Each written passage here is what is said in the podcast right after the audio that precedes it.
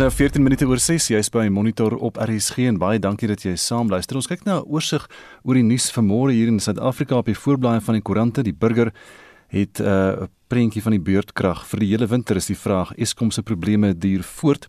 Maar die hoofberig op die burger se voorblad vanmôre skok vir landbousektor. ANC se grondplan is skrikwekkend. Voogdyskap sal beheer oor private grond aan staat gee en hulle haal hier vir Willem de Chavon vrug aan. Um, hy is dan voorsitter van die grondsentrum van uitnemendheid van Agri SA. Dit sal 'n skokgolf deur die landbou sektor stuur.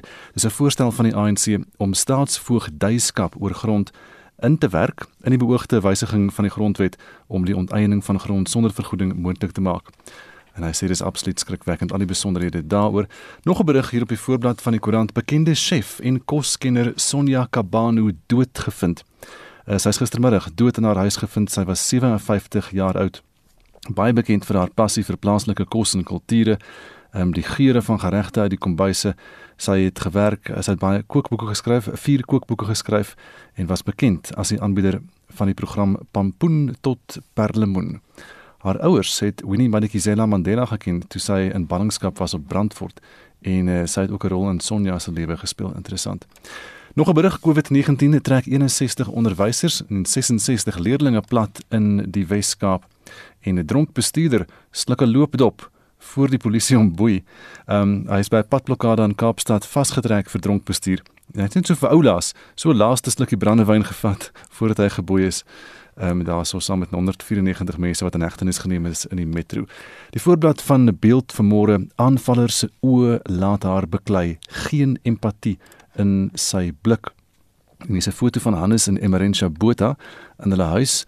Ehm um, na die aanval en hulle praat daar, slaan stoksplinters op kop en hande. Nou Emerentia Botha sê sy het met die eerste kyk in die aanvaller se oë besef sy sal moet terugbeklei. My ma beskryf dit as bloeddorstig, het Renske Miesner gister gesê terwyl sy gewag het dat ekstra plate van Botha se beserings geneem word. Al die besonderhede van wat met hulle gebeur het is in daardie berig. Ander ene op die beeld vanmôre, Loftus Paviljoen het nou Frik de Pre. Hy het gister daar gestaan 'n end van waar hy byna 53 jaar gelede 'n toets 3 gedruk het teen die destydse Britse leeu's van 1968 en het met die Curriebeeker gepronk op Loftus Versveld. Die Blou Bulle Maatskappy en die Blou Bulle Rugby Unie het nou aangekondig dat Loftus se Noordpaviljoen na Frik de Pre genoem word. Die voorblad van Volksblad digitale voorblad, dit is 'n resep vir korrupsie. Dit gaan oor die grondonteiening en hier is 'n baie mooi foto van 'n baanbreker in die landbousektor en hy staan hier met sy hond Corrie Treitsman met een van sy seuns se honde. Nou hy's 'n boer wat diep spore getrap het. Hy het gesterf aan COVID-19. Die trane van die 86-jarige Corrie Treitsman se geliefde sal lê in die diep spore wat hy in daardie eh, provinsie se landbousektor getrap het en so het sy seun gesê. Hy was 'n saai en veeboer van die plaas Waterstroom in die Windburg distrik. Nou Business Day se voorblad het 'n berig wat sê Dischem se SMS-stelsel uh lei tot 'n dramatiese vermindering in mense wat nie opdaag vir hulle COVID-inentings nie. En internasionale nuus op bbc.com vanoggend uit eh, Suid-Amerika Peru, is dit COVID dodetal het meer as verdubbel nadat hulle die dodetal hersien het en dit is nou die hoogste aantal sterftes in die wêreld in vergelyking met die grootte van die bevolking van die land.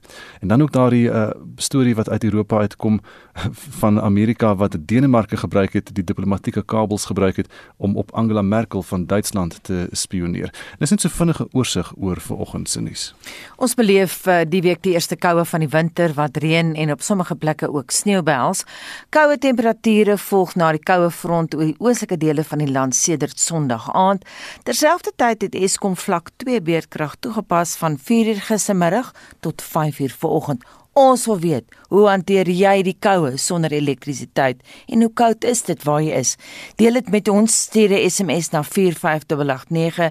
Dit kos R1.50. Gaan na facebook.com vorentoe skynstreep ZRC of WhatsApp 'n stemnota na 076 536 6961 076 536 6961 0891104561. Dis nou 19 minute oor 6 en sommige hospitale in Gauteng soos die Helen Joseph en die Rahima Musa hospitale ondervind watertekorte. Intussen is die Charlotte Matreke Hospitaal sedert April gesluit na die brand by die hospitaal. Vincent Mofokeng doen verslag. Twee hospitale in Gauteng, die Helen Joseph en die Rahima Musa Hospitaal, ondervind watertekorte wat hul werksaamhede strem. Advokaat Anton Albrits is die VF+ se nasionale voorsitter en parlementse wetgewer in Gauteng. Die Vryheidsfront Plus vind dit onaanvaarbaar dat daar tans 3 hospitale in Gauteng is wat disfunksioneel is. En dit is die Hima Musa Hospitaal wat tans nie water toevoer het nie. En daar is die Helen Joseph Hospitaal wat dieselfde probleem het en natuurlik die Charlotte Maxeke Hospitaal wat toe is weens 'n brand wat daar ontstaan het. Wat laasgenoemde hospitaal betref, blyk dit nie dat daar enige herstelwerk op die oomblik gedoen word om die hospitaal so gou as moontlik te herstel nie. En die ander twee hospitale se watertoevoerprobleem moet vinnig gehanteer word want dit blykbaar word die water nou met trokke aangery na die hospitale toe en dit is onaanvaarbaar. Dit blyk ook 'n probleem te wees wat endemies in Gauteng is rondom hospitale want net 2 weke gelede moes die Vryheidsfront Plus ingryp by die Steve Biko Hospitaal om ook 'n watertoevoerprobleem daar uit te sorteer. Die VF+ is van mening dat hospitale in Gauteng nie die dreigende vlaag van COVID-19 sal kan hanteer indien die Charlotte Mackay Hospitaal langer gesluit bly nie. Tydens die tweede golf is 150 pasiënte daagliks in die hospitaal behandel. Dis natuurlik onaanvaarbaar dat hierdie hospitale disfunksioneel is in die tyd wat die derde vlaag van COVID-19 baie styg in Gauteng en dit blyk dat daar te min beddens beskikbaar gaan wees op die einde van die dag vir mense wat siek word. So ons gaan onmiddellik met die premier hieroor praat asook met die betrokke LER van gesondheid om te sorg dat daar genoeg beddens is om hierdie vlaag te kan hanteer en ook om dan die algemeenheid goeie dienslewering daar te stel vir mense wat siek is of beseer is en wat uh, afhanklik is van openbare hospitale in Gauteng. Jack Bloem, die DA in Gauteng se skadu ALR vir gesondheid, sê hulle is selfs bekommerd oor die Charlotte Mackay Hospitaal wat daar nog geen teken is dat herstelwerk gaan plaasvind nie. Nearly six weeks since the fire at the Charlotte Maxeke Johannesburg Hospital, and we still don't know when the hospital will be reopened. We do know that uh, sections of the hospital have been found to be structurally sound, and they seem to be awaiting a fire certificate from Johannesburg City Council. Uh, we don't know what the delay is, and it's very urgent to reopen this hospital as much as possible. Patients are suffering. Uh, it's leading to overcrowding of, of other hospitals, and it's especially urgent now as we have a third wave of COVID 19 infections. Bloem sê die ander hospitale is reeds oorlaai en het agterstande. Uh, cancer patients particularly badly affected. Uh, they're told to go to Chris Hani Baragwanath Hospital for chemotherapy or the Steve Biko Hospital for uh, radiotherapy. But uh, those facilities are already overcrowded and there's backlogs, and any delays in cancer treatment could lead to, to deaths. Also, kidney patients for dialysis that now have to go to the Helen Joseph Hospital, which has got water shortages. Uh, it, it's just not working out well because they have to be done uh, at night and for a shorter period because of the water shortage. It, it really is a terrible tragedy. Uh, I think we need to know when this hospital can get up and running as soon as possible because it's a devastating blow to the health system in Gauteng. Dit was Jack Bloem, die DA in Gauteng se skadu ALR vir gesondheid. Vincent Mufokeng, SAK nuus. Die leiers van die Cornwall Hill College in Pretoria het verskoning gevra vir die sloering om beweringe van rasisme by die skool te hanteer. Dit volg na betogings deur die ouers en leerdlinge oor rasse-diskriminasie. Die skool word daarvan beskuldig dat hy klagtes van onregverdige behandeling deur swart leerdlinge geïgnoreer het. Die LER vir onderwys in Gauteng, Panyasa Lesufi, het aan gister se betoging deelgeneem waar 'n memorandum van eise vir vinniger transformasie oorhandig is. Mitsi van der Merwe het die besonderhede. 'n Kreet om hulp. Die leerdlinge sê hulle het genoeg gehad van rasisme. Hulle sê dit beïnvloed hulle geestesgesondheid. My first and most vivid memory of racism happened when I was only in grade four. I was happily on my way to break when a teacher stopped me. She had this big frown that encompassed her whole face and swallowed me whole. And she looked me dead in the eyes and said, Your hair is unpresentable. It is messy. and it's not the Cornwall way. These experiences and the things that we're saying don't come from nowhere. They stem from places where you always have to come to school to mentally prepare yourself for the things that you have to endure as a black child. There have been people that have been called the K word. One occurrence is a girl was walking down from practice and a white parent said to them, You are quite a rude K little K word. 'n Memorandum wat 'n jaar gelede aan die skool gegee is, is geïgnoreer. Ouers beskuldig die skool daarvan dat hulle besware nie hanteer is nie. Hulle het verlede week 'n betoging by die skool se golfdag gehou. Die eis was dat die skoolhoof Leon Koneke afgedank word. 'n Ouer, Tembile Glati, sê die kinders se ervarings deur onderwysers word in hulle sieges vasgemaak. I say to you teachers, thank you for coming, but remember that our kids live the experience experiences are with you. What you say to them, they experience it directly from yourselves. So those things get engraved in their minds. So I say to the instigators amongst yourselves, those teachers who are on the right side, you must please call your colleagues to order. They must be called out, isolated, and racists must leave Cornwall Hill. Die skool erken dat hy stadig vorder om diversiteit en rasseverteenwoordiging te verbeter. Die raad van direkteure is meestal wit mans en 'n paar wit vroue. Slegs 2% van die onderwysers is swart. Die hoof van die junior skool is Morris Dick. Please allow me on behalf of all to sincerely apologize on behalf of the executive head, the school's leadership for the delay in transforming Cornwall Hill College. We foresee a school where we will endeavour to transform the board as well as the staff complement without compromising the standards of education in the shortest possible time. Die Gautengse ALR vir onderwys Panyasa Lesufi wat met die skool se leiers vergader het, sê daar moet 'n einde wees aan die obsessie met swart mense se hare. Go back to the negotiating table resolve all outstanding problems and ensure everyone is welcomed in this school. But one thing that is very clear that I want to emphasize to the leadership of the school stop this obsession with the hair of our children.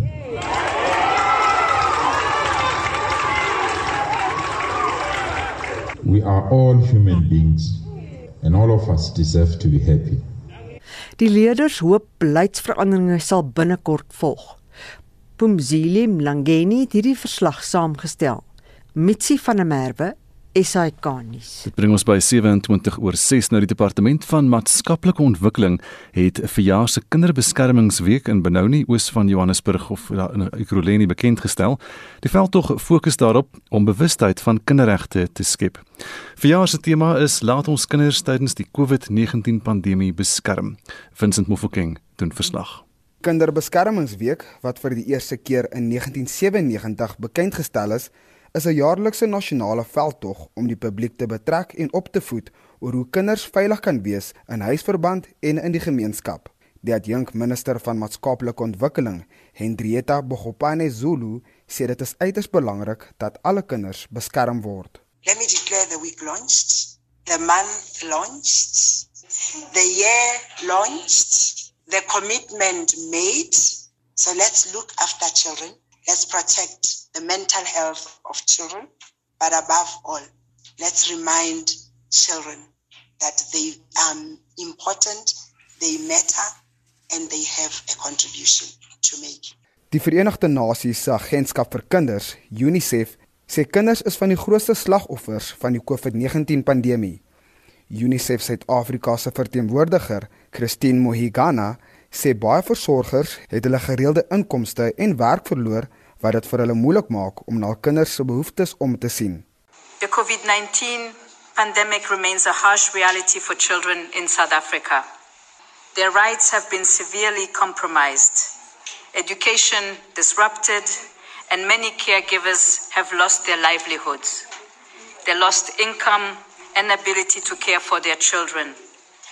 Furthermore, child health services have been affected, and food insecurity has led to reports of many children suffering from hunger.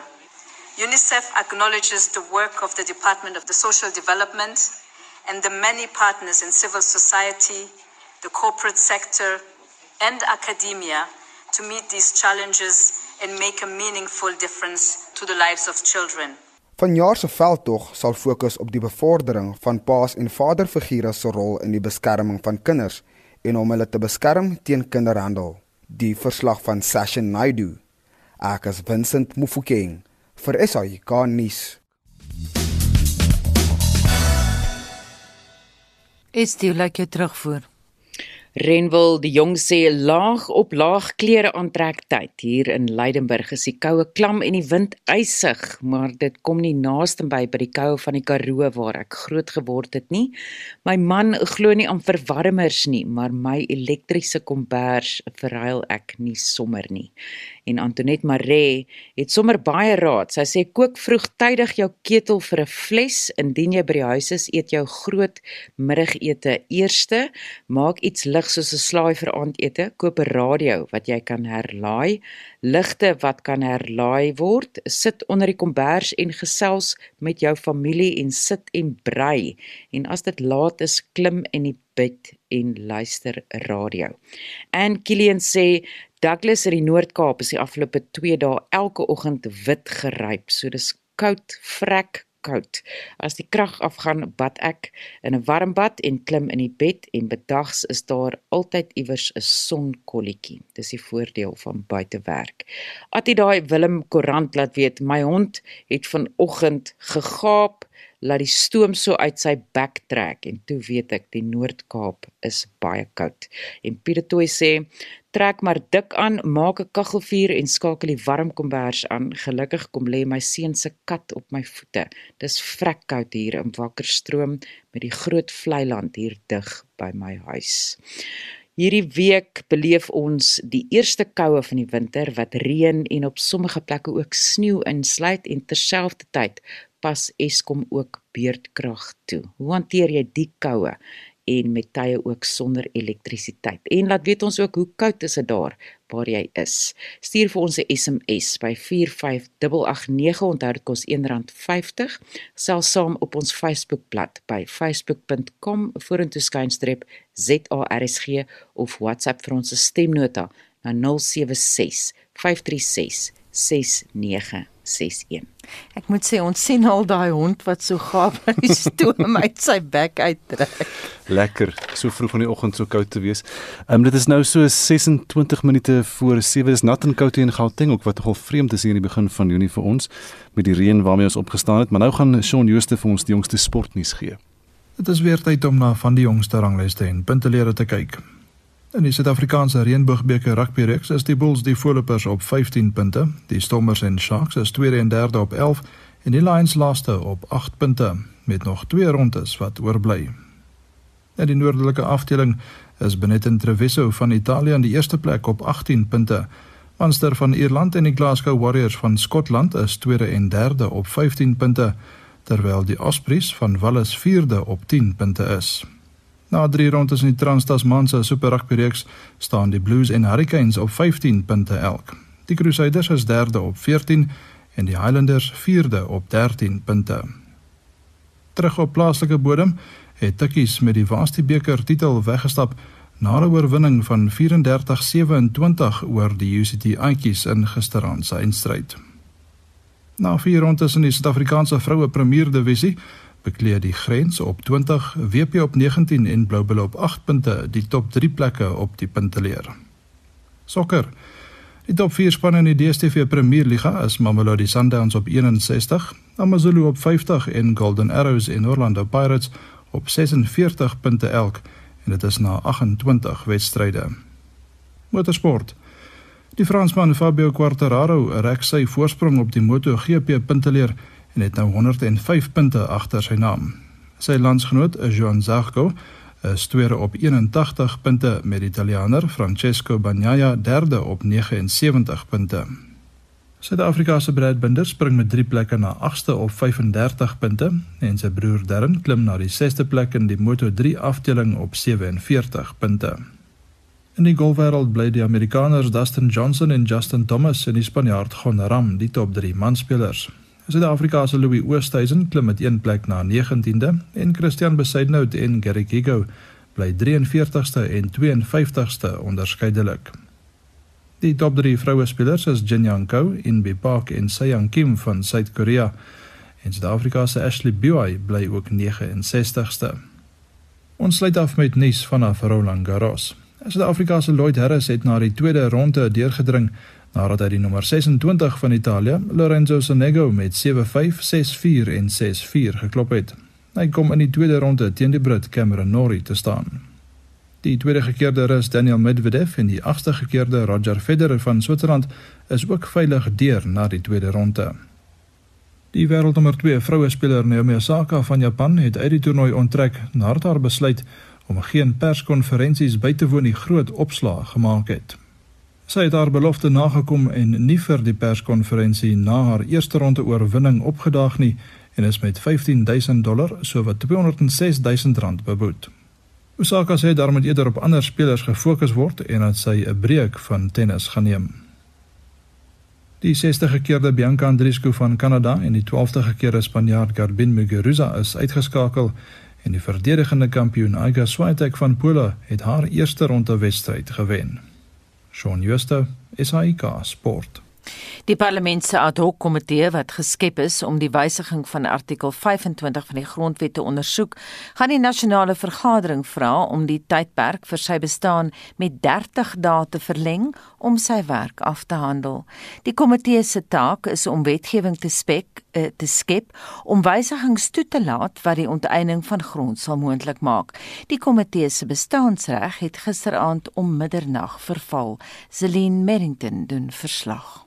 Die ATO-komitee oor die wysiging van artikel 25 in die grondwet het verskeie vertragings gehad sedert 2018 wat 'n paar versoeke vir uitstelle tot gevolg gehad het.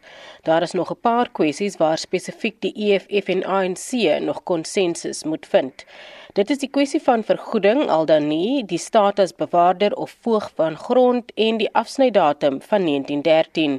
Die komitee voorsitter Matole Motshega sê die uitstel sal kans gee om die werk af te handel.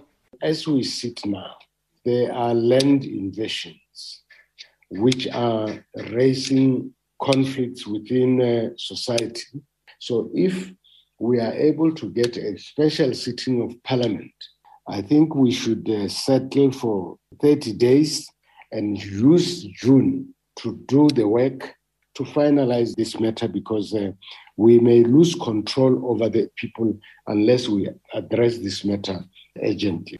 Die EFF LP, Floyd Chivambu, sê hulle moet mekaar nog vind oor uitstaande kwessies.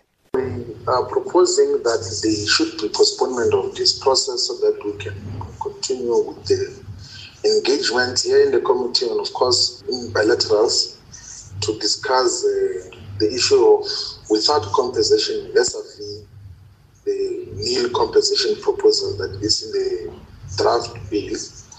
And then two to then deal with the issue of custodianship in terms of how to include it in the amended section 25 and then the last aspect of these further deliberations will focus on the cut-off date for restitution purposes. Die DA parlementslid Annelie Lotriet en die Vryheidsfront Plus se hoofsweep Corneil Mulder het gemaan dat die uitstel nie net gevra kan word om twee partye tevrede te stel nie. I am concerned with the fact that it is very prescriptive and focuses only on EFF proposals made in this committee. I would honestly say that the reason for the postponement is is to deliberate further on matters. I don't think we have to get to any consensus or stated that we want to get consensus, and I don't think that we should be dictated to in terms of what we have to discuss during this extension. Chairperson, I don't think we can do it that way. With all due respect, we cannot ask extension to accommodate the views of two political parties. We cannot do that. We can only ask an extension for 30 days because the committee has not completed its work, full stop. We don't have to indicate that we want to discuss about this, we need to this no. we, we, we ask an extension. We as a committee knows what we want to do, but but you cannot ask Parliament to give extension because two specific parties are still negotiating with one another. Motshega het die dringendheid waarmee die saak afgehandel moet word beklemtoon. This uh, request will go to the chair of chairs and he will process it but I think that the leadership of parliament will appreciate the significance of this matter and that we cannot allow a situation where this process collapses because if it collapses, it will be disastrous for the country. And we will also talk to them on the sidelines that uh, this is the gravest matter of national interest. We cannot take chances. We really have to consider our application seriously. Dit was Matole Motshega, die voorsitter van die ad hoc komitee oor die wysiging van artikel 25 van die grondwet. Zelin Merrington, Parlement. En van een brandpunt na ander, die departement van toerisme beoog om 'n hofaansoek van Solidariteit en Afriforum oor die regering se toerisme ekwiteitsfonds van 1,2 miljard rand teen te staan. 'n Dringende interdik is verlede maand aan die burgerregte groepe in die Pretoria se Hooggeregshof toegestaan om te verhoed dat die fonds goedgekeur word vir uitbetaling. Essie de Klerk het die besonderhede. Die Ekwiteitsfonds vergun toerismeondernemings wat 51% in besit is van swart bestuur om aansoek te doen vir finansiële hulp. Solidariteit en Afriforum meen dit diskrimineer teen gevestigde maatskappye in besit van wit bestuur en is daarom onwettig en ongrondwetlik. Lebo Soweto's Backpackers in Bicycle Tours in Soweto se Orlando Oos was eens op 'n tyd 'n muurnes van plaaslike en internasionale toeriste. Nou is dit chop stil weens die impak van die COVID-19 pandemie, sê die stigterslid Lebo Malepa. COVID-19 has taken a strain on us uh, local entrepreneurs, on our businesses, on our staff, on our communities that uh, we are not sure how the future is looking. Die verlies aan klante het 'n groot impak, nie net op sy besigheid nie, maar ook op die gemeenskap. I've lost uh, about 20 people who are sitting at home currently. I'm running with a skeleton staff of 15. Uh, I've lost tourism students who were doing learnerships. I've lost staff which were part-time from the community, people that relied on tourists coming with their cars to park in their homes, people who were doing laundry uh, for tourists in their homes. Soos talle ander swart entrepreneurs het Malepa hoop gehad om deur die toerisme ekwiteitsfonds gehelp te raak. The slowness of the or the halting of the tourism equity fund it also delays tourism progress in townships and villages where you find that now museums are still closed, uh, places are being dilapidating. Die regering se boodskap aan hom en ander is om nie moed op te gee nie, sê die minister van toerisme Mamaloko Kubayi Ngubane. As the matter approaches its resolution in court, we appeal for patience from all applicants who have kept our lines busy seeking answers on when feedback on their application will be provided and when processing of applications will commence. We further call on those who are working with these entrepreneurs to be patient and understand that the matter is in the hands of the courts. Die minister sê haar departement beoog om die hofaansoek te beveg. As our legal team prepares to present and represent us in yet another court battle on transformation of the tourism sector, We do so with our unwavering resolve that the fund is a necessary intervention within the constitutional values and imperatives for creation of an equal society, tangibly addressing the imbalances of our country's past. 'n Datum vir die hofaansoek is nog nie vasgestel nie. Die verslag is saamgestel deur Mbongeni Mtwa in Johannesburg en ek is Estie de Klerk vir SAK nuus. Dis 14 voor 7 jy's by Monitor op RSG. Die minister van Minerale Hulpbronne en Energie, Gwede Mantashe, het aangekondig dat brandstofpryse vanaf môre aangepas word gebaseer op plaaslike en internasionale faktore en ons praat nou hier oor met die ekonomiese raadgewer van S3 Capital, Chris Harmse. Chris, goeiemôre. Môre Gustaf. So hoe groot is die daling in die verskillende grade petrol? So petrol is uh ek het nou net die 95 ene, hmm. hy is 10 sent per liter maar 93 oktaan ook vir beide. Uh 10 sent per liter. teenoor natuurlik diesel wat styg. Ja. Met tussen 20 en 21 sent per liter afhangende natuurlik van jou graad van diesel. Uh, en natuurlik parafin wat styg tussen uh, 20 en 26% uh, per liter vanaf uh, môre die 2 Junie. Nou wat is daardie faktore waarvan die minister praat? Hoekom hierdie daling en toename? Gustav normaalweg normaalweg maand tot maand uh, kyk hulle na die twee hooffaktore. Een is die gemiddelde wisselkoers van die rand sedert die vorige vaststelling. En in hierdie geval vanaf 30 April tot 27 Mei was die gemiddelde wisselkoers R14.11 per dollar teenoor die vorige periode. So R14.41. So dis so 30 sent sterker. Dit het veroorsaak dat uh, petrol uh oorverhaal was uh met so 17 sent per liter, dieselfde met diesel, dieselfde met natuurlik uh uh parafin.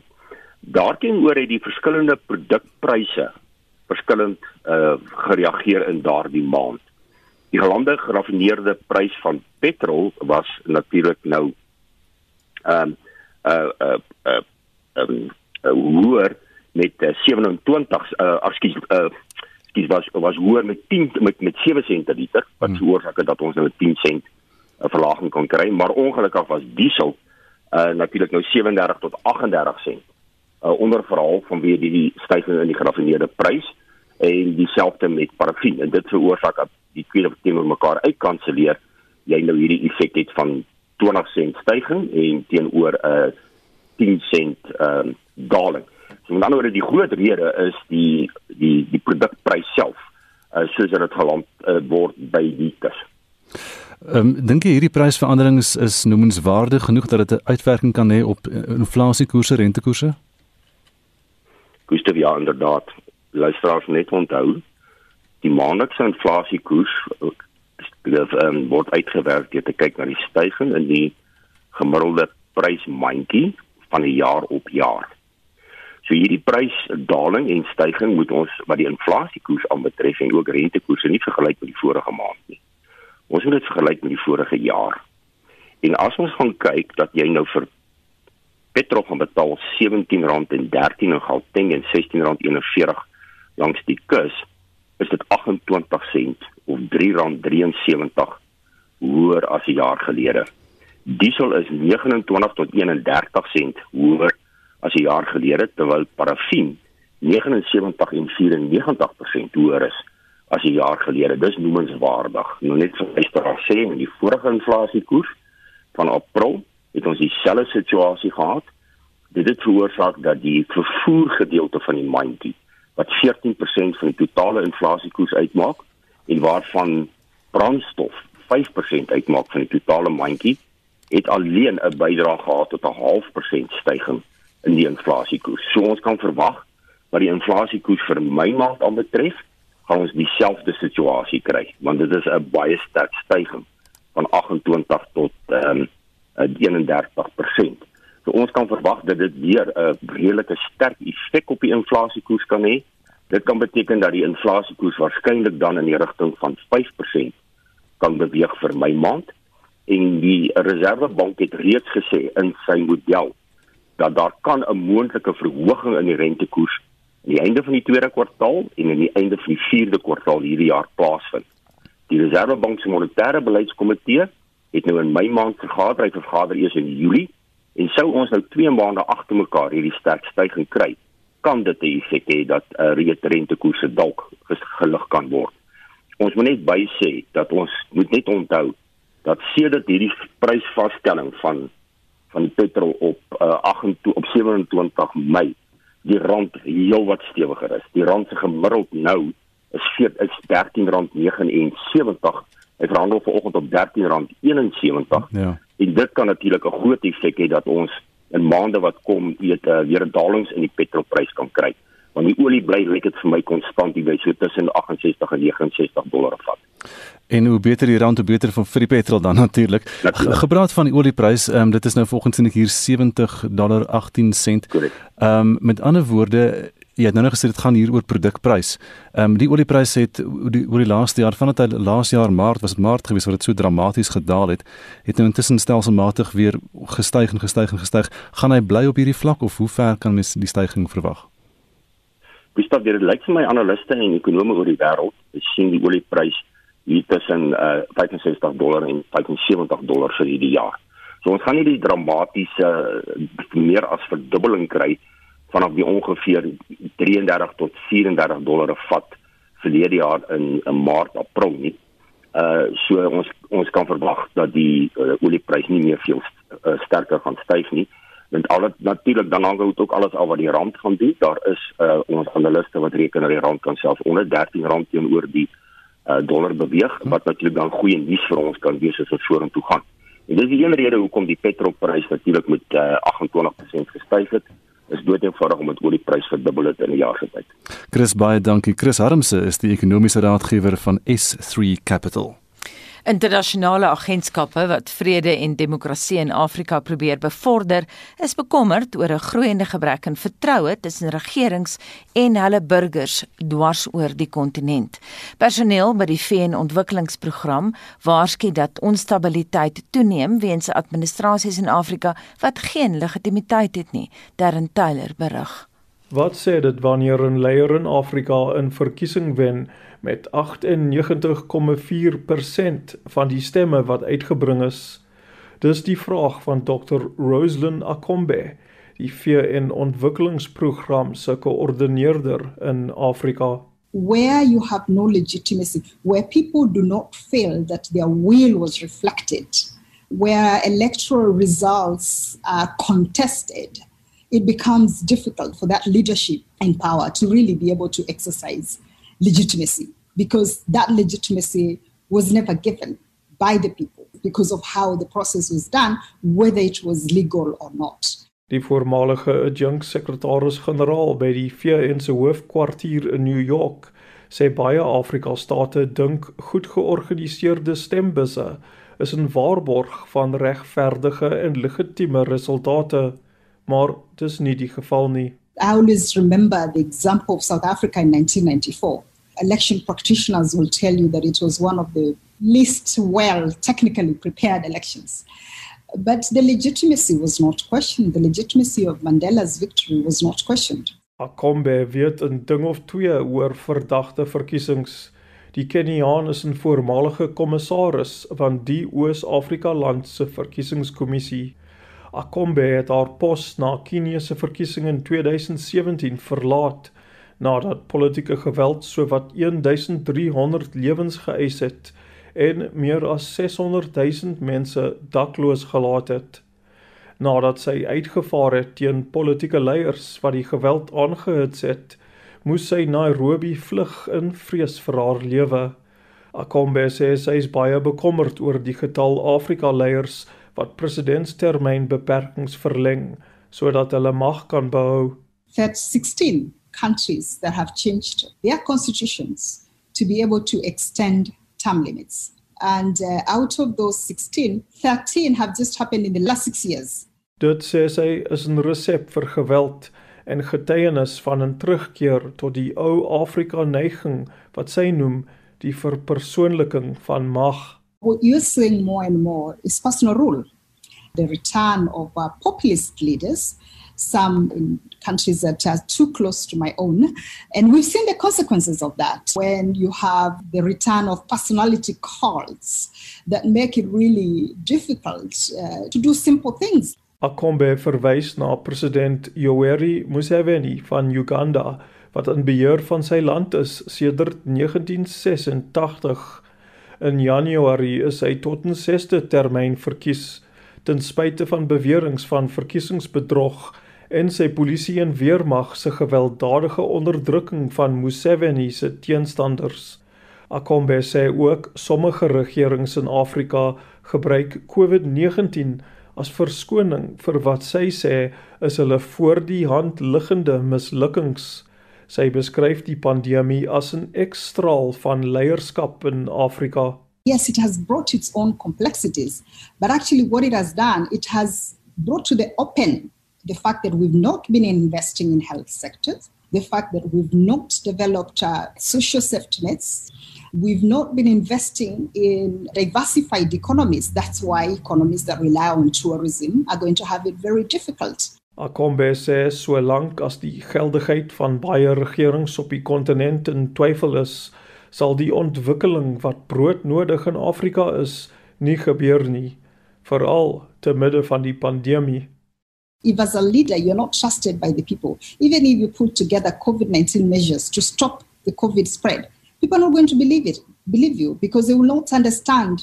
You have not built trust to be able to be seen that what you're telling them serves their interest. They will always be saying that there's something else. You're doing this for some other political reason. Akombe se boodskap aan Afrika se presidente wat hulle lande lei sonder 'n ware mandaat is: verdien jou mense se vertroue of gaan voordat dit te laat is. Ek is Darren Taylor in Johannesburg. Daar is geen verkeer. En in hierdie stadium so net voor 7 in die oggend kyk ons na wat aan die gang is in die verkeer. Kloorkop in Gauteng, daar's verkeersligte wat nie werk nie. Ellendale weg in Kainak, maar daar is punsmanne aan diens in daardie omgewing in Pretoria botsing.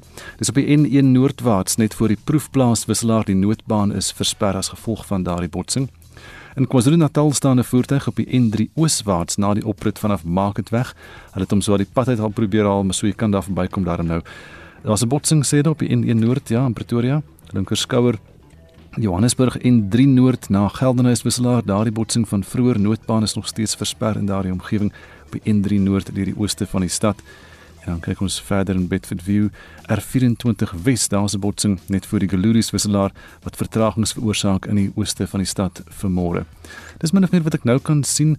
Ehm um, daar's nog is 'n paar verkeersligte wat nie werk nie en van die reën natuurlik flits, maar daar is puntsmanne aan diens by die meeste van hulle. As jy op enigiets anders afkom, dan kan jy vir ons 'n SMS aanstuur na 45889 en 'n SMS se kos jou R50 elk. Estie Cecilia Masin Ferreira sê haar raad is 'n warmwatersak en ek het baie batteryliggies en 'n lekker groot LED lig in my kamer en ek het 'n klein gasstofie en 'n warmwaterfles. En Deedrey Kotse Badenhorst laat weet sy is baie dankbaar vir sonkrag. Larry Grywenstein sê dis lekker nat en koud in die Kaap, maar dis juis waarom ek die Wes-Kaap verkies. Dit herinner my onbewuslik aan my Duitse herkoms van koue nat winters. Ek werk bedags voor die kaggel en reken op Eskom om my rekenaar en internet aan die gang te hou. En Freek Jakman Mohammed laat weet 'n warmwaterbottel en komberse werk vir hom en elektrisiteit is te duur vir verwarmers en parafin is te sterk vir my bors. Dis vreeslik koud hier in Koffiefontein, so sê Freek en Hannes Engelbreg sê hier in die droë Oos-Kaap slaap ons maar net naby aan mekaar. Meisie Visser skryf op ons SMS-lyn: "My huis is skoon en dan bly ek in die bed met die koue en staan net op wanneer ek moet kos maak." Gerda vir terg ons almal so bietjie en laat weet vir ons dis lekker warm 46 grade in Bahrein en die somer is op pad hier. En Ria Kreer sê haar enigste raad is warm waterbottels. Dit is vrek koud in Bloemfontein. Laat weet vir ons hoe koud is dit daar waar jy jou op die oomblik bevind en wat doen jy wanneer die krag boonop af is wanneer Eskom beurtkrag toepas. Stuur vir ons 'n SMS by 45889. En daarmee is dit 7:00.